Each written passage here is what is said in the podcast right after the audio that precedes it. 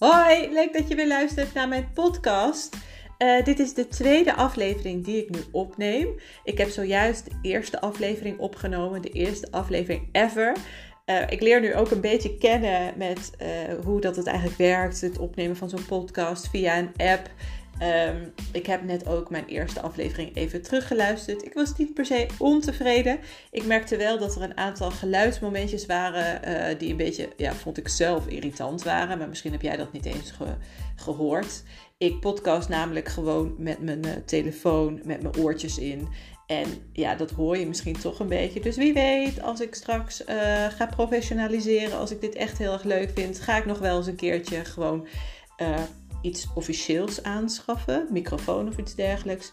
Maar goed, voor nu is dit ook wel prima, want als je eerst alles gaat lopen aanschaffen en het helemaal perfect wil maken, ja, dan kun je nog wel een paar jaren daarmee bezig zijn voordat je ooit gaat beginnen. Dus we gaan gewoon even lekker door. Aflevering 2.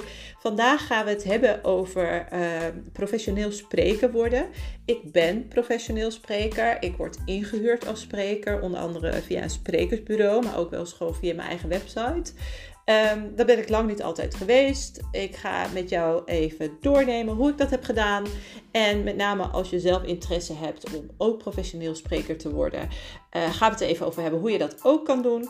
Um, maar deze podcast is op zich ook gewoon wel interessant om eens eventjes uh, te luisteren. Als je denkt van, goh, ik zou best wel wat beter willen worden in het mezelf presenteren. Hoe kan ik dat leren? Hoe kan ik dat doen? En um, nou, laten we maar lekker beginnen. Als arts en wetenschapper word ik regelmatig gevraagd om te komen spreken op zowel medische als niet-medische congressen en evenementen. Maar dat is natuurlijk lang niet altijd zo geweest. Um, en sterker nog, het is lang niet altijd zo geweest dat ik het ook leuk vond om dat te doen. Vroeger vond ik het namelijk echt vreselijk. Echt, ik weet nog wel op de basisschool, als ik dan een spreekbeurt moest doen. En ook zelfs wel op de middelbare school. Ik, ik vond dat echt ontzettend naar. Ik ging dat dan wel goed voorbereiden. En ik kwam op zich best wel goed voor de dag.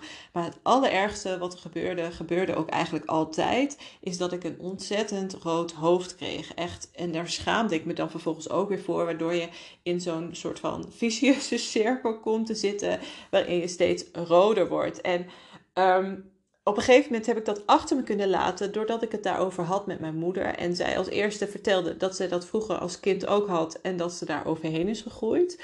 Maar eigenlijk ook omdat ik tijdens mijn puberteit op een gegeven moment maar heb omarmd dat het maar gewoon zo was, dat rode hoofd. En dat ik het dus gewoon spannend vond.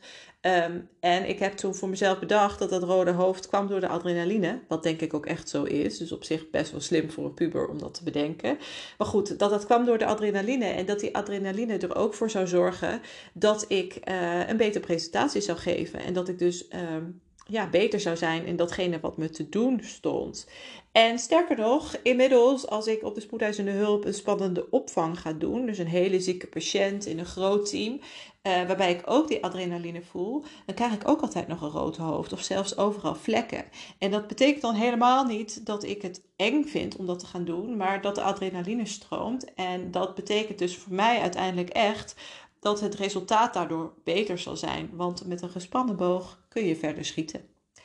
Um, uiteindelijk uh, ben ik uh, publieke spreker geworden. Uh, word ik veel gevraagd voor congressen, evenementen. Um, en in de geneeskunde, en als je ook werkt in de geneeskunde, dan zul je dit herkennen, is het veelal normaal om dat gratis te doen. Sterker nog, het wordt eerder als een soort van eer gezien dat je überhaupt gevraagd wordt om ergens een praatje te komen geven. En dat terwijl het over het algemeen gezien niet bij je baan hoort. Het is niet zo dat je vanuit je uh, werkgever daarvoor wordt betaald. En een eer is het natuurlijk ook, maar dat betekent niet dat je het altijd gratis hoeft te doen. Helemaal niet als je uiteindelijk ook professioneel spreker bent. En wat het verschil daartussen is, tussen een niet-professioneel spreker en een wel-professioneel spreker, um, is zowel de tijd en de aandacht die jij hebt besteed aan je professie, dus hoe professioneler je wordt, um, hoe um, ja, meer geld je ook zou kunnen vragen. Maar ook puur het feit dat je geld vraagt of dat je geld verdient met het spreken, maakt je natuurlijk gewoon een professioneel spreker. En eigenlijk in geen enkele andere branche wordt het als normaal gezien dat jij gratis ergens komt spreken. Want er gaat ontzettend veel vrije tijd in de voorbereiding zitten. En bovendien kom jij ook waarde brengen bij het congres, waarvoor de kaartjes vaak ook flink veel geld kosten. Dus er is meestal wel geld. In de geneeskunde is het niet normaal om er geld voor te vragen, uh, maar in de rest van de wereld wel. En ook als uh, iemand uit de geneeskunde, als je echt waarde komt brengen bij een congres, mag je daar prima geld voor vragen. Inmiddels ben ik dus een veelgevraagd professioneel spreker, verdien ik daar ook mijn geld mee en dat is allemaal begonnen doordat ik vlieguren ben gaan maken als spreker. Want je kunt natuurlijk wel willen gaan shinen op een podium en willen worden gevraagd als spreker. Maar eerst zul je jezelf moeten bewijzen en zorgen dat je ook een beetje goed in spreken wordt. Want pas dan bied je immers waarde aan een congres of een evenement en kun je ook waarde terugvragen. Dus je biedt waarde en je vraagt waarde terug. Oftewel, begin eerst wel gratis, leer daarvan, vraag feedback en laat je vervolgens trainen. Ik ben zelf uh, voor het eerst denk ik gevraagd op een congres toen ik bezig was met wetenschappelijk onderzoek. Ik deed dat onderzoek naar uh, vrouwen die ernstige hartziekte hadden en die vervolgens zwanger werden. En vervolgens keek ik hoe lopen die zwangerschappen dan? Waar lopen de vrouwen tegenaan? Hoe gaat het met de kinderen? En dat was best wel een nichegebied. En daar waren ook speciale congressen over. En op een gegeven moment mocht ik daar mijn onderzoek presenteren. En op dat moment heb ik er natuurlijk niet geld voor gevraagd. Want dat was de eerste keer dat ik zoiets deed. Ik wist nog helemaal niet hoe goed ik was als spreker. Um, ik wist nog niet wat voor waarde ik kwam brengen. En juist daar staan en daar mogen spreken gaf mij weer waarde. Want daardoor kon ik leren en ben ik uiteindelijk opgeklommen tot de plek waar ik nu ben. Um, ik heb mij vervolgens ook laten trainen. Ik heb bijvoorbeeld, uh, toen ik mijn onderneming startte, Make Science Work, uh, heb ik mij uh, ingeschreven voor een event van TED, TEDx. Jullie kennen vast die talks allemaal wel. Um, en daar heb ik me ingeschreven, één, omdat het een ondernemerswedstrijd was en ik daar ook funding kon winnen. Dat heb ik uiteindelijk niet gewonnen.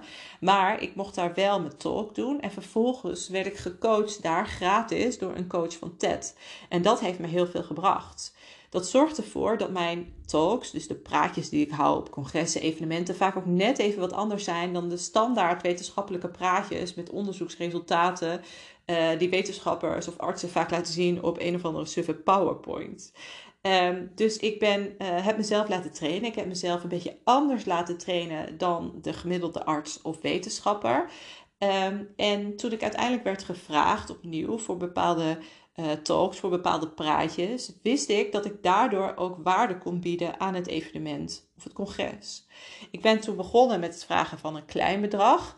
En uh, uiteindelijk raakte ik daardoor steeds meer bedreven, steeds meer ervaren. En ben ik op gaan bouwen tot het bedrag wat ik op dit moment vraag en waarvan ik vind dat ik het waard ben. En uiteindelijk gaat hierin alles dus over waarde. Jij moet waarde ontvangen als je daaraan toe bent, maar vooral moet jij ook waarde brengen. En misschien moet je nog veel meer waarde brengen dan hetgene uh, wat je ervoor krijgt. Want uh, je moet echt zorgen voor een goed verhaal. Niets is zo saai, vind ik, als een suffe PowerPoint die wordt voorgelezen tijdens een talk. En toch zie ik eigenlijk dat dat heel vaak gedaan wordt, vooral in de, de medisch-wetenschappelijke wereld. Terwijl je ook gewoon echt kan zorgen dat je iets leuks te vertellen hebt. Maak er bijvoorbeeld een verhaal van.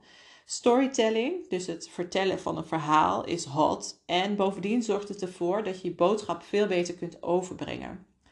Um, hoe doe je dat dan? Nou ja, laat je coachen. Vraag, um, maak, maak een story, maak een praatje en vraag feedback. Ik doe dat zelf ook regelmatig met vriendinnen, zowel wanneer ik ergens moet spreken als dat deze vriendinnen ergens moeten spreken. Dan doen we die talk gewoon eerst voor elkaar en geven elkaar kritische feedback die we dan weer verder kunnen gebruiken.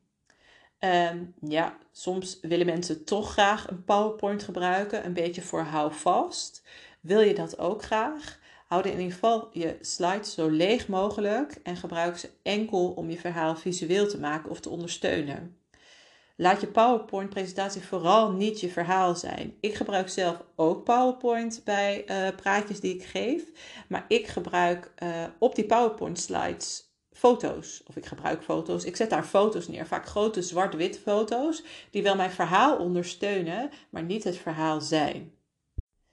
En natuurlijk is dat een beetje spannend, want uh, ik in ieder geval ben gewend vanuit uh, mijn opleiding, vanuit vroeger, en dat heb jij misschien ook wel, dat je toch een aantal bullets op je PowerPoint hebt staan, wat, wat jou een beetje houvast geeft en een beetje controle voor als je misschien een blackout krijgt of iets dergelijks. Maar die bullets of die verhalen, of wat mij betreft het hele verhaal, kun je ook prima op een sprekerskaartje zetten. En uh, sommige mensen die vinden dat als je ergens een presentatie geeft, dat je dan alles uit je hoofd moet uh, weten. Maar ja, wie heeft dat bedacht? Wie, is dat een regel? Volgens mij helemaal niet.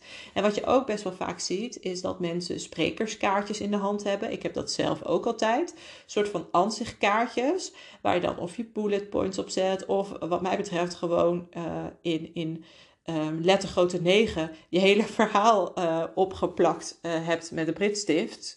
Um, zodat jij uh, in ieder geval wat vasthoudt aan je verhaal. Natuurlijk moet je wel je verhaal ook gewoon heel veel oefenen, zodat je hem desnoods uit je hoofd kan doen en dat je niet de hele tijd ook op die kaartjes gaat kijken. Maar natuurlijk mag je ook gewoon die kaartjes erbij houden. Sterker nog, dat is dus iets wat ik zelf ook doe en wat ik prettig vind. En ik bedenk me nu net dat ik eigenlijk net ietsje te snel over het stukje storytelling heen ben gegaan. Uh, dus ik fiets dat er hier nog even in. We gaan zo wel een beetje van hot naar her. Maar hey, het is mijn podcast en uh, het is wel relevant, denk ik. Goed, het storytelling. Ja, eigenlijk zou je daar een hele podcast over op kunnen nemen. Sterker nog, je kunt de hele cursussen involgen van hoe vertel je nou een goed verhaal uh, wanneer je een praatje geeft, wanneer je ergens een talk moet geven. Maar waar het eigenlijk gewoon op neerkomt, is dat je een begin, een midden en een einde moet hebben. En uh, dat het verhaal eigenlijk gewoon een beetje op een sprookje moet lijken. Dus uh, er gebeurde eerst dat en dat. En toen was er iets van een uh, leed of iets vrolijks of um, iets wat moeilijk ging of noem maar op. En dan vervolgens een soort van conclusie, eindgoed, al goed verhaal. Daar komt het eigenlijk gewoon een beetje op neer.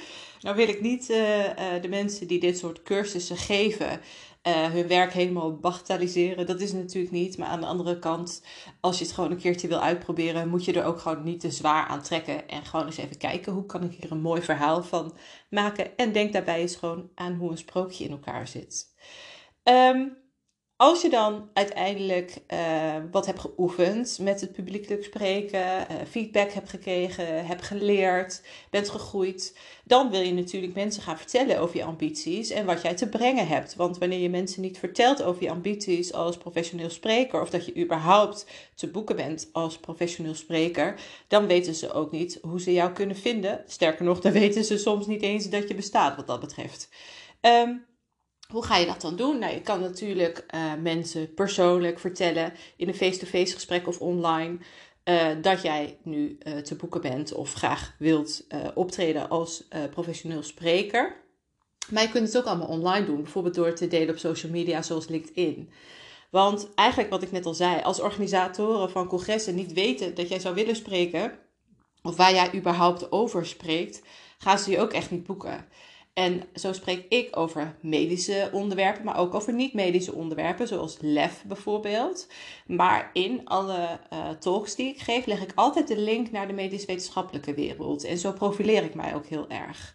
Dus mijn onderwerpen waar ik over spreek zijn bijvoorbeeld social media, onder andere in de zorg, innovaties in de zorg en empowerment en lef. En ik laat dat zien op mijn website, maar ook zeker op social media. Um, en als je geïnteresseerd daarin bent, dan kun je natuurlijk op LinkedIn eens eventjes mijn post bekijken. Ik post ook heel veel over de andere dingen die ik doe, maar ook zeker wel over professioneel spreken. Um, LinkedIn heet ik Helene Lameijer, MD PhD, staat erachter. Dat zijn mijn titels. Um, en uh, ja, eigenlijk is deze podcast natuurlijk ook iets waarin ik kan laten zien dat ik uh, professioneel spreker ben en dat je mij zou kunnen boeken mocht het zo zijn dat jij een congres of evenement organiseert. En uiteindelijk begint het dan toch allemaal met het gewoon gaan doen. Ga spreken en als je ergens hebt gesproken, of je dit nou betaald of onbetaald hebt gedaan, ga het dan ook vervolgens delen. Zo wordt nog meer zichtbaar waar je ambities liggen. Weet je ook zelf wat meer wat je leuk vindt, doordat je het hebt uitgeprobeerd. En het delen daarvan is het zogenaamde social proof. Dus je laat aan anderen zien dat je daadwerkelijk ook spreekt op events en gevraagd of geboekt wordt. Waardoor je eigenlijk ook vaker gewoon gevraagd of geboekt zult worden. Misschien zijn die mensen die jouw post zien dan wel je volgende opdrachtgever. Verder is het ook denk ik wel belangrijk om af en toe gewoon te falen. Dat falen zorgt er immers voor dat je groeit. Ook ik leer nog elke keer van dat ik op het podium sta. Zo leerde ik laatst bijvoorbeeld dat ik toch echt wel een uur van tevoren aanwezig moet zijn om mijn rust te kunnen pakken voordat ik begin. Want ik had uh, namelijk, ik moest spreken op best wel een groot uh, medisch event. En doordat ik in de file had gestaan, ik uh, woon in Groningen, dit was in de buurt van Den Haag. Uh, flinke file geweest, kwam ik net op tijd het congres binnen, sprinten. En dat zorgde ervoor dat mijn stemgebruik door al het geheig echt suboptimaal was. En het begin van mijn talk daardoor eigenlijk ook en niet echt top er allemaal uitkwam. Prima les voor de volgende keer en niks om me voor te schamen, ook al doe ik dat wel een klein beetje. En als laatste nog iets anders wat ik uiteindelijk ook heb gedaan en wat ik misschien wel eerder had moeten doen. Um, aansluiten bij een professioneel sprekersbureau. Ik heb mezelf uh, aangesloten bij A Cup of Ambition. Dat ging niet uit mijzelf, maar de eigenaresse van A Cup of Ambition, of de founder moet ik zeggen. Ze zijn nu met z'n drieën, maar toen was zij nog alleen, Brit. Uh, die heeft mij toen benaderd, omdat zij zag via social media dat ik dus op verschillende uh, evenementen, congressen sprak. Um, en zij heeft mij echt geholpen om mijn sprekerskwaliteiten te vergroten en ook om mijn waarde te bepalen. Um, daarvoor geldt nogmaals altijd: zorg wel dat de waarde die je vraagt, dat je die waarde tenminste ook komt brengen en het liefst nog een beetje meer.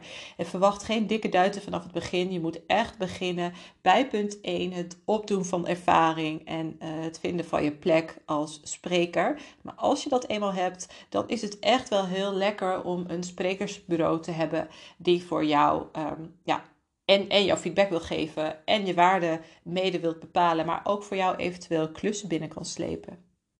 Oftewel, hoe word je professioneel spreker? Maak vlieguren, oefen, oefen, oefen, oefen gewoon heel veel. Durf te falen, durf te leren. Zorg dat je een goed verhaal hebt, bij voorkeur iets met storytelling doen. Um, en zorg vervolgens ook dat je social proof hebt, dat je dingen deelt over jezelf als spreker, zodat mensen jou ook weten te vinden als spreker en eventueel weten te boeken als spreker. Het allerbelangrijkste is denk ik, zorg dat je waarde biedt, een goed verhaal deelt uh, en tenminste een les of, of iets inspirerends hebt waar het publiek ook echt mee vooruit kan. Uh, inspiratie, motivatie, dat zijn denk ik de key points. En vind je dit moeilijk? Laat je dan coachen. En vind je dit makkelijk? Laat je dan ook gewoon coachen. En dat kan al heel simpel. Je hoeft niet per se een coach in te schakelen, maar je kunt gewoon altijd vragen naar feedback op je talk. Feedback van vrienden, feedback van je familie, weet ik veel van wie. Uh, maar je kan ook gewoon feedback vragen van je klant, van uh, de congresorganisatie bijvoorbeeld. Uh, maar het kan natuurlijk ook groter en professioneler, bijvoorbeeld door het doen van een sprekerstraining. Die zijn er genoeg. Onder andere ook bij uh, mijn sprekersbureau, A Cup of Ambition. Dat is echt een sprekersbureau voor uh, vrouwelijke sprekers. Maar goed, er zijn nog een heleboel andere sprekersbureaus of sprekerstrainingen die je zou kunnen doen. En uiteindelijk ga je daar natuurlijk geld voor vragen, want voor niets komt de zon op en het kost je hartstikke veel tijd om een goed praatje te maken. Maar je begint niet ermee met het geld vragen. Dat doe je pas op het moment dat je ook daadwerkelijk waarde biedt aan de organisatie van het uh, congres of het evenement.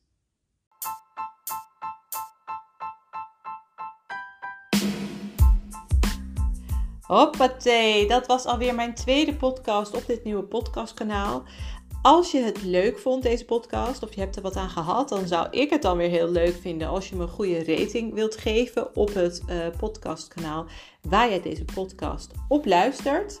Uh, dat helpt mij weer om um, ja, dat, dat deze podcast gewoon wat meer zichtbaar wordt en dat er dus nog meer mensen gaan luisteren die misschien hier ook weer mee geholpen zijn. Uh, zoals je hebt gehoord, uh, is het een van mijn tips om uh, te delen wat jij doet, zodat mensen weten waarvoor ze jou kunnen gebruiken. En zodat je daarmee je eigen carrière verder kan laten groeien. Ik heb vandaag veel gedeeld over het zijn van een professioneel spreker. Wil je mij nou boeken voor je congres, evenement of voor je organisatie? Kijk dan eens op mijn website makesciencework.nl. En daar staan ook nog een heleboel andere dingen op die ook gewoon leuk zijn als je mij niet wil boeken voor een congres of evenement. Zoals uh, meerdere blogs over medische en niet-medische onderwerpen. En ik zie jou weer in de volgende podcast.